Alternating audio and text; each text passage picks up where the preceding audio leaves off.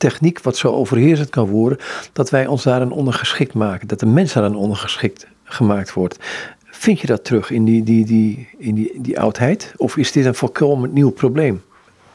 Ehm, het is als techniek misschien wel een nieuw probleem, maar die andere uh, dieperliggende vraag, dat je dus onderworpen raakt, eigenlijk slaaf wordt van iets, dat is in de oudheid wel benoemd.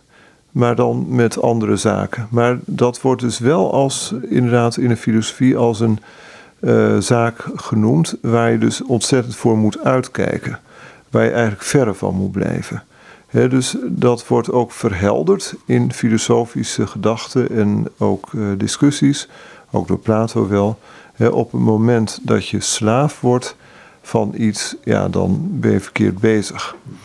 Er is trouwens wat dat betreft een mooi voorbeeld van een filosoof die ook een jonge filosoof wilde opleiden. En die jonge filosoof, nou, die had er erg veel zin in om filosoof te worden. Dus die zei: Mag ik filosoof bij u worden? Ja hoor, dat is goed. Kom zeg maar morgenmiddag maar om 12 uur op de markt. Dan mag jij bij mij filosoof-leerling worden. En toen kreeg die jonge aspirant-filosoof een rotte vis in zijn handen geduwd. Hij zei: Die is voor jou, hou me even vast. En loop je even achter mij, loop je even met me mee. Vervolgens liep dus die uh, aspirant-filosoof met de filosoof mee. Maar die filosoof die besteedde nauwelijks aandacht aan zijn leerling. Hij was met allerlei mensen in gesprek. En het enige wat hij had gevraagd was dat die aspirant-filosoof achter hem aan zou lopen.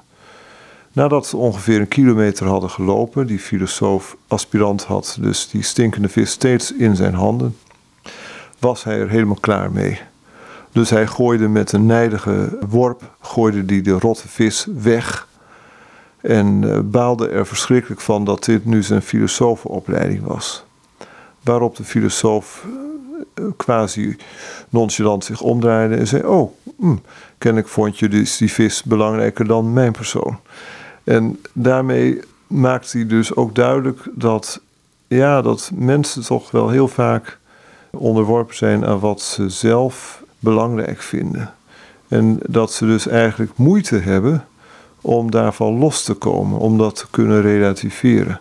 Nou, dit is een eenvoudig voorbeeld, maar als je het hebt over de techniek, ik ben nu misschien vreselijk scherp, maar stel je voor dat we vandaag eh, de opdracht kregen om onze auto naar de garage te brengen en daar niet meer op te halen. Dat we vanaf nu fietsend en lopend door het leven gaan, of met openbaar vervoer. Dan zou dat voor vele mensen toch wel een ontzettende ja, aderlating zijn. Dat is de rotte vis. Ehm,